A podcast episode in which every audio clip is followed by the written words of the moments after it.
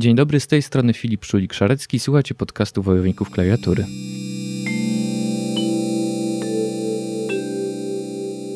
A w tym odcinku jest ze mną Ada Tymińska, doktorantka w Instytucie Kultury Polskiej, autorka raportu Granice Nienawiści, mowa nienawiści w kontekście kryzysów humanitarnych na granicy polskiej, e, Helsińska Fundacja Praw Człowieka. Cześć Ada. Cześć Filipie. Jesteśmy tutaj, żeby pogadać trochę o raporcie i o tym, jak mowa nienawiści oraz dezinformacja e, była obecna w ostatnim czasie i jak mogliśmy obserwować właśnie między 2021 rokiem a 2022 w kontekście uchodźców i, i osób, które próbowały przekraczać granice, czy to na granicy polsko-białoruskiej, czy to na granicy pol polsko-ukraińskiej. I chciałem Cię za, zapytać w ogóle, E, jak wygląda tutaj sprawa mowy nienawiści, na której się skupiasz w raporcie, a dezinform- jak, jak ma to się, jak jest to związane z dezinformacją? To znaczy tak, według takich klasycznych definicji mowy nienawiści, jedną z form jej manifestowania się może być szerzenie negatywnych stereotypów, czy szerzenie przekonań o tym, że jakaś grupa ma daną negatywną cechę X.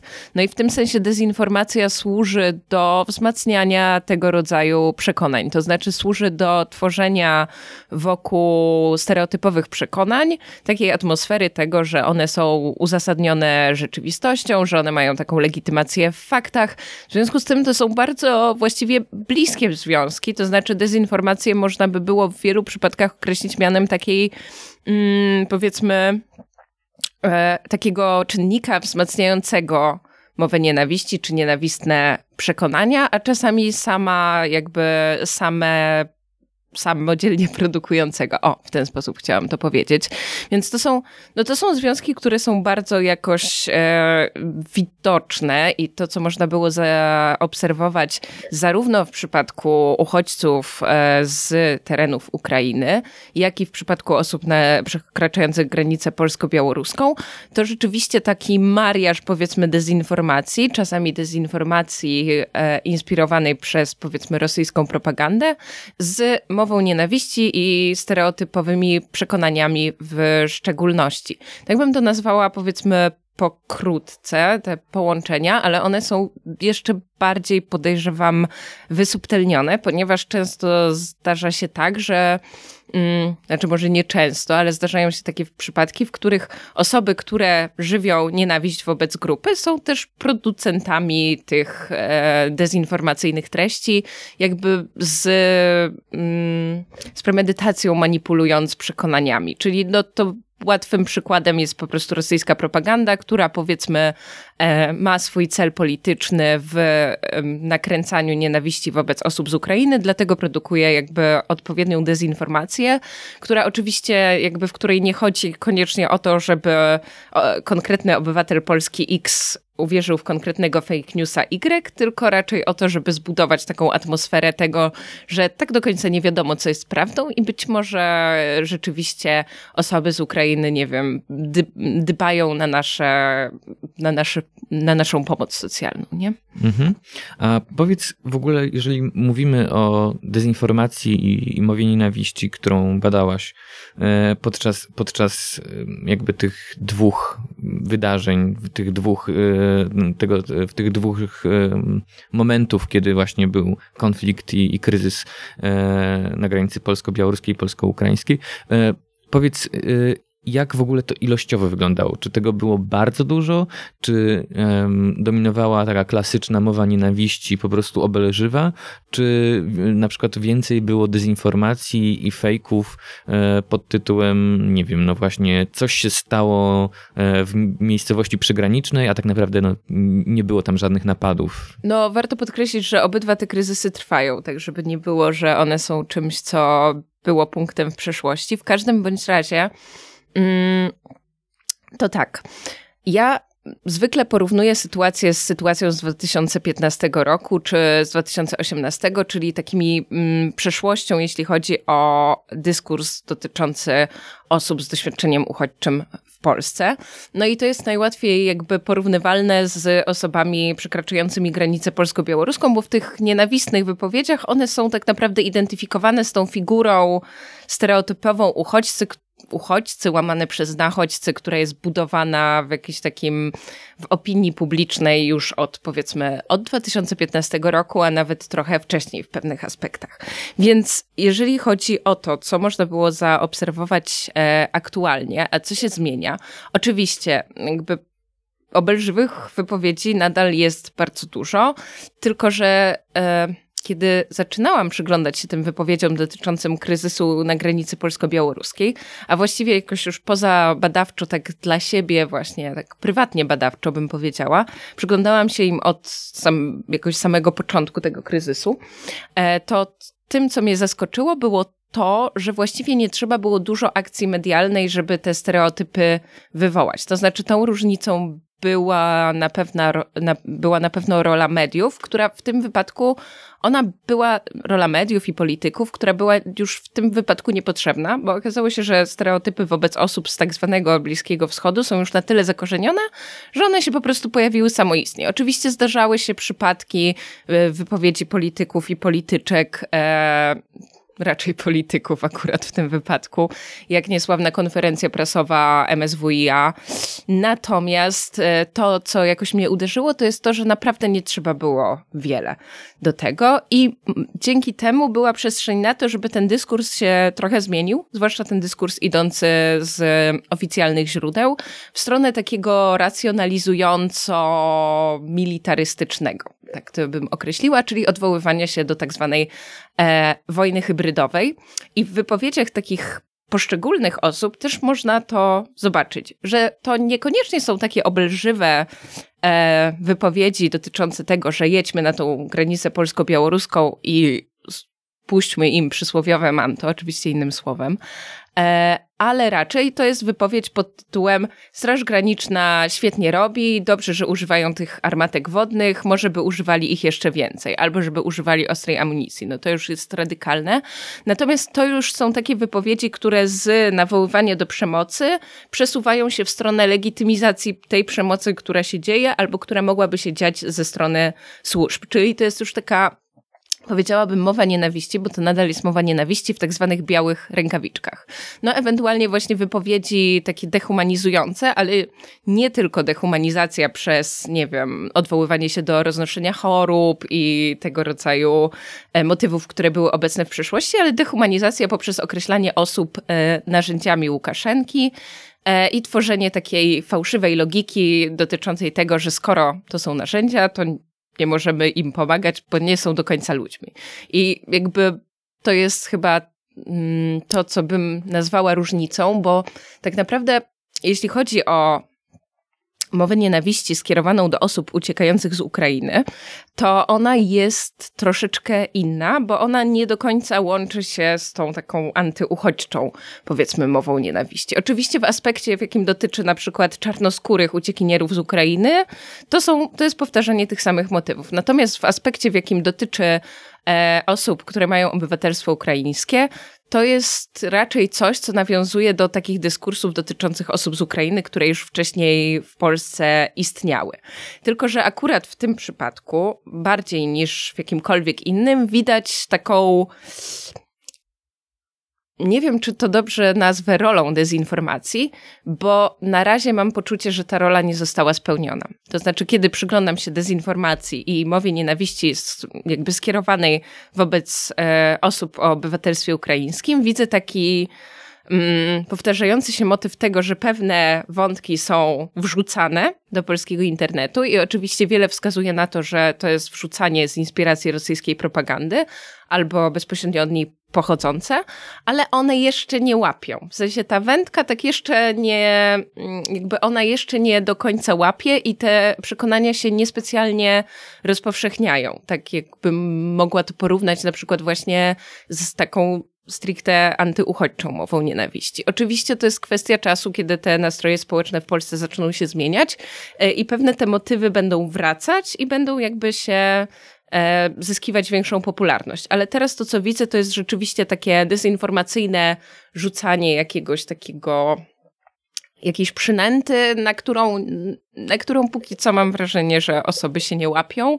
No ale tak jak mówię, mam poczucie też, że to może być kwestia czasu, zwłaszcza przy jakichś rosnących napięciach e, ekonomicznych.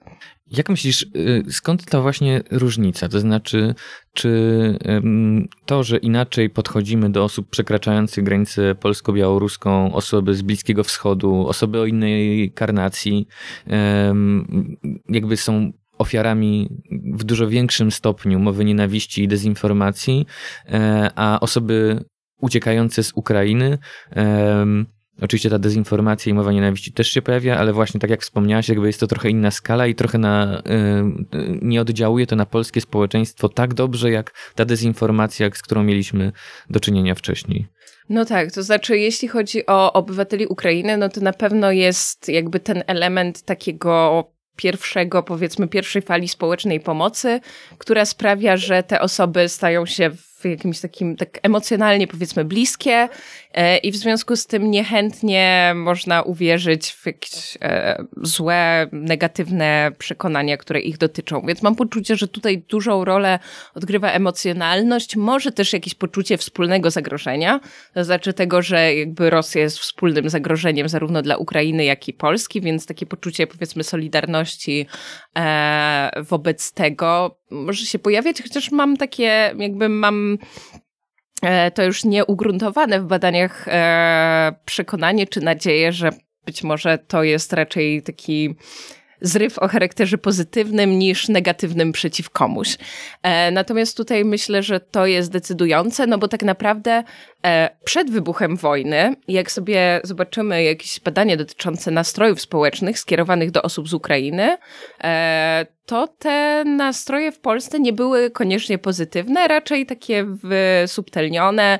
Dużo mówiło się o jakichś konsekwencjach ekonomicznych, takiej wzmożonej migracji, dużo mówiło się o zagrożeniach, o wpływie na polską gospodarkę. Ten dyskurs był taki około gospodarczy, no i plus dyskurs taki e, dotyczący polityki historycznej i odwoływania się zbrodni wołyńskiej i on był nakręcany z jednej strony przez polityków takich e, reprezentujących ugrupowania konserwatywne, a z drugiej strony to też jest udokumentowane, że jakby napędzanie właśnie tematu wspominania rzezi wołyńskiej było też inspirowane przez rosyjską propagandę w jakiś sposób, żeby zamotać e, stosunki, więc jakby to się zmieniło radykalnie wraz z wybuchem wojny. To znaczy, ten e, nastawienie do osób z Ukrainy, ono już stawało się coraz bardziej pozytywne w związku z migracją ekonomiczną, ale tak naprawdę to, co się stało po 24 lutego, to była ogromna zmiana, spowodowana właśnie i jakąś potrzebą pomocy i właśnie wspólnym zagrożeniem.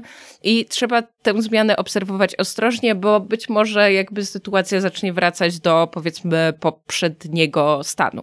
Zwłaszcza jak myślimy o jakichś właśnie problemach ekonomicznych, poszukiwaniu osób winnych za te problemy ekonomiczne. Też ciężko pominąć fakt, że przynajmniej przekonaniu opinii publicznej e, osoby uciekające z Ukrainy to w większości były kobiety i dzieci. I też jakby właśnie taki wizualny już dyskurs, jaki był wokół tej ucieczki budowany, zwłaszcza w takich mediach powiedzmy około populistycznych, to było przedstawianie kobiet i dzieci, pomimo, że to nie jest tak do końca też E, prawda? No i pomimo, że tak naprawdę, czy ktoś ucieka będąc kobietą lub dzieckiem, czy będąc młodym mężczyzną, to ucieka przed podobnym zagrożeniem i powinien być traktowany równo.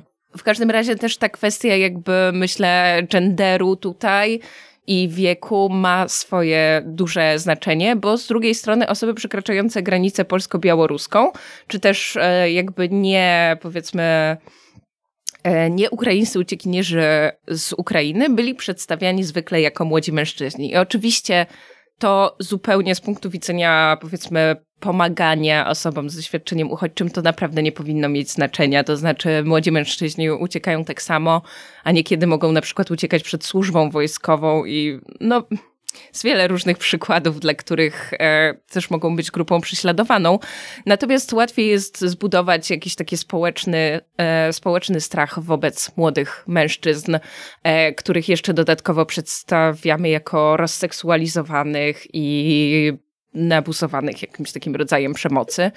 E, więc generalnie myślę, że tutaj ma, jakby składają się bardzo różne czynniki na tę różnicę. Po pierwsze, to jest czynnik rasowy, który już tak naprawdę nazwałeś w pytaniu. Po drugie, czynnik genderowy, który też ma jakieś swoje znaczenie, zwłaszcza jeśli pomyślimy o tym, jak kulturowo postrzegamy kobiety i mężczyzn.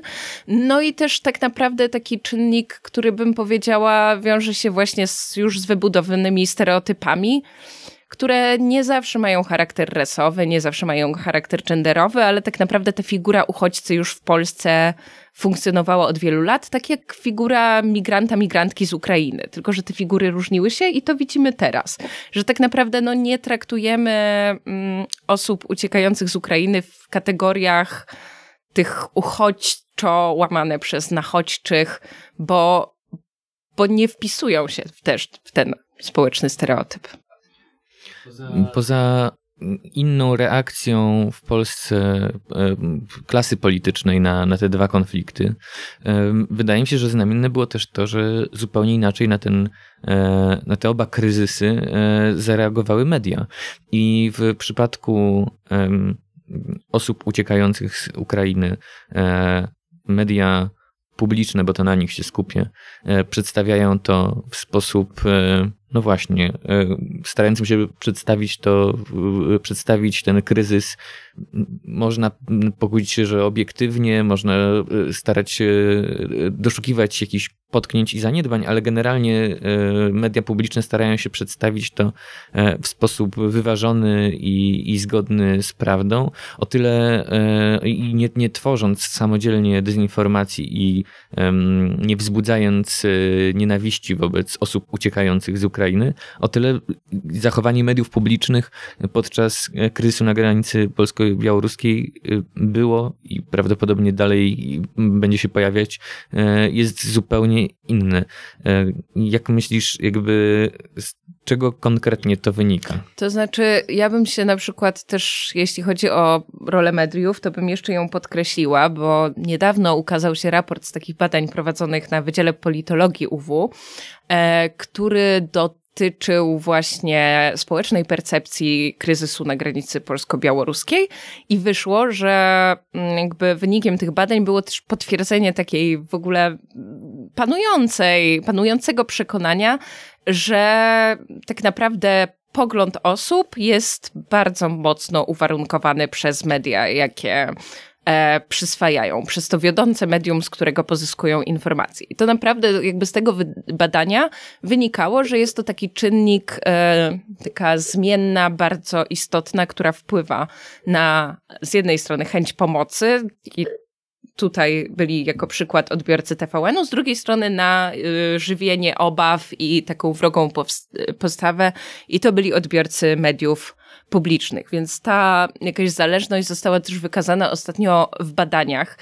E, szczerze mówiąc, ciężko mi znajdować inny powód do tego, by tak różnie przedstawiać obydwa kryzysy niż polityczny, bo tak naprawdę jakby ten sposób przedstawienia wpisuje się w politykę osób e, rządzących, no, które też inaczej podchodzą, jakby też inaczej podchodzą w praktyce takiej instytucjonalno-administracyjnej do obydwu tych grup. Ja jestem jakby w cudzysłowie wielką fanką i obserwatorką na Twitterze e, konta Straży Granicznej i jeżeli sobie przeskrolujesz to konto, to możesz zauważyć, że jakby taki dyskurs wizualny analizując, że z jednej strony są zdjęcia, codziennie są takie mikroraporty z granicy polsko-białoruskiej i z granicy polsko-ukraińskiej. I o ile te z granicy polsko-ukraińskiej są ilustrowane niemal zawsze takim portretem strażniczki kobiety i to jakby to ma czynnik genderowy duże znaczenie tutaj, bo to zawsze jest jakaś taka pani strażniczka, która przyjmuje wnioski, coś wypisuje, jest przedstawiona z bliska, jest przedstawiona jej twarz, mimika, fryzura i tak dalej. A z drugiej strony zdjęcia, e, jakby sytuacja na granicy polsko-białoruskiej jest zilustrowana przez e, jakieś terenowe samochody, które jakby jadą poprzez e, naturę, no i gdzieś tam widać mur albo słupki graniczne w tle. I to jest naprawdę, to znaczy to jest zero subtelności w tym. I mam poczucie, że w tym sensie media publiczne pełnią jednak rolę polityczną i ciężko jest tego nie powiązać, chociaż oczywiście jakby pewności nie mogę mieć, bo nie jestem dziennikarką mediów publicznych.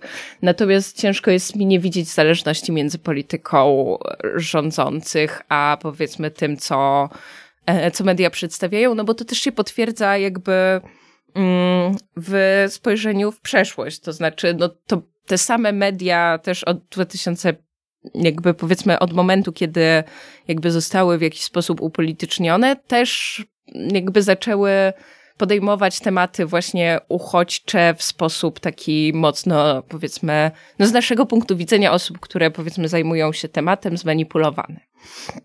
Więc to chyba tak bym odpowiedziała. To znaczy, jest mi ciężko tak naprawdę. E, może jeszcze bym dodała taki wymiar tego, że tak naprawdę. Mm, jakby media mają to do siebie, że z jednej strony one kształtują postawy odbiorców, ale są też kształtowane przez podstawy odbior swoich odbiorców, czyli to jest taka dwukierunkowa dynamika. No i być może teraz już po prostu też reprodukują w jakiś sposób te stereotypowe przekonania, które się w odbiorcach wyprodukowały, żeby jakoś wzmożyć swoją oglądalność, żeby skonsolidować grupę odbiorczą i tak dalej. Słusznie wspomniałaś na początku, że oba, e, mm, obie sytuacje nie są zamknięte. No, wojna na Ukrainie ciągle trwa. E, ciężko też powiedzieć, że mm, sytuacja na polsko-białoruskiej granicy została zamknięta i ciężko żeby powiedzieć, że właśnie e, można mówić o tym w czasie przeszłym. Powiedz, czy masz jakieś prognozy? Jak myślisz, jak będzie wyglądało to w przyszłości w kontekście, w kontekście właśnie dezinformacji i narracji, które będą dotyczyć tych e, dwóch grup uchodźczych? Zaczęłabym od granicy polsko-białoruskiej, bo mam wrażenie, że to, co jakby ta przyszłość dzieje się już trochę teraz, bo dyskurs bardzo mocno się zmienił w związku z zakończeniem budowy muru. I teraz tak naprawdę wiadomości ze źródeł oficjalnych, wiadomości, jakie dostajemy od organizacji pozarządowych, idą w dwóch zupełnie innych kierunkach. Bo ze strony oficjalnej, jeżeli właśnie przyjrzymy się wspomnianej e, stronie Straży Granicznej czy deklaracjom rządowym, wynika z tego, że prawie nikt nie przekracza granicy ze względu na to, że mur jest skuteczny i myślę, że tego rodzaju narracja będzie się utrzymywała. Z drugiej strony mamy organizacje, które mówią o tym, że codziennie, co tygodniowo dostają jakieś powiedzmy 200 e, czy nawet więcej próśb o pomoc i wynika z tego, że ta liczba osób przekraczających granice jest daleko dalece większa niż kilkanaście osób dziennie. Więc generalnie mam poczucie, że te dwie narracje będą się jeszcze bardziej, powiedzmy, rozmijały, no bo tak jakby w tym momencie świętowanie w cudzysłowie sukcesu, jakim jest budowa muru i też jakby legitymizowanie tak e, drogiej inwestycji infrastrukturalnej e, jest powiedzmy priorytetem i wykazywanie skuteczności. Więc mam wrażenie, że tutaj mm, no, będzie kontynuował się taki motyw rozmijania się tych dwóch e, tych dwóch obrazów rzeczywistości. A jeśli chodzi o osoby z Ukrainy, no to właśnie ja mam takie być może pesymistyczne przekonanie, no bo tak naprawdę trudno nie widzieć w tych przynętach rzucanych w polskich mediach społecznościowych pracy może zapośredniczonej, może bezpośredniej rosyjskiej propagandy. I to jest tak, że to, co widać, to jest na przykład takie raz na kilka dni, czy raz na tydzień, czy raz na miesiąc wrzucanie tematów. To znaczy, że no dobra, to teraz spróbujemy z Wołyniem, czy to załapie w cudzysłowie. No, nie załapało. No to teraz spróbujemy z tym, że to jest ekonomiczne obciążenie dla państwa. No, nie załapało. To teraz spróbujemy z tym, że y, osoby z Ukrainy popełniają jakieś przestępstwa. I w pewnym momencie być może ta, jakby te motywy powtarzające się, one narosną na tyle, że zdobędą sobie większą popularność, bo mam takie poczucie, że no jakby sytuacja ekonomiczna Polski jest trudna, zresztą całego świata jest trudna, stoimy przed jakimś takim ogromnym kryzysem e, e, i w związku z tym będzie potrzeba jakoś szukać e, grupy społecznej, której, którą można za to w cudzysłowie obwinić. Więc mam poczucie, że być może za którymś razem okaże się, że te kampanie dezinformacyjne są skuteczniejsze niż teraz, ale mam nadzieję, że tak nie będzie. Przyszły rok będzie, myślę, bardzo w cudzysłowie, bo nie wiem, czy to ciekawe to jest dobre słowo, no ale chyba tak z badawczego punktu widzenia, jeśli chodzi o badania dyskursów, ciekawe, bo stajemy przed wyborami.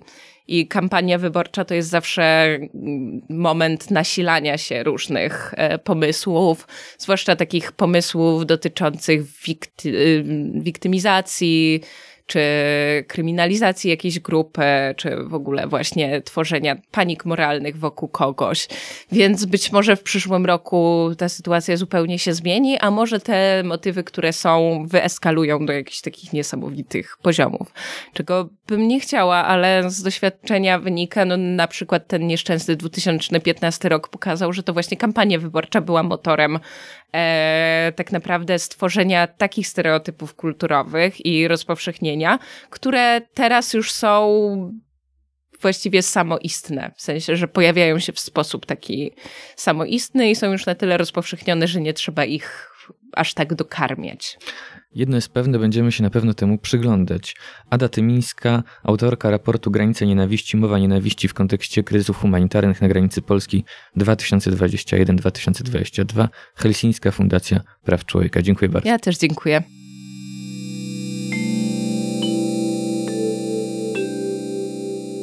Słuchaliście podcastu Wojownicy Klawiatury, który powstał dzięki wsparciu Science Plus. Więcej odcinków na www.wojownicyklawiatury.pl oraz w aplikacjach podcastowych. Do usłyszenia.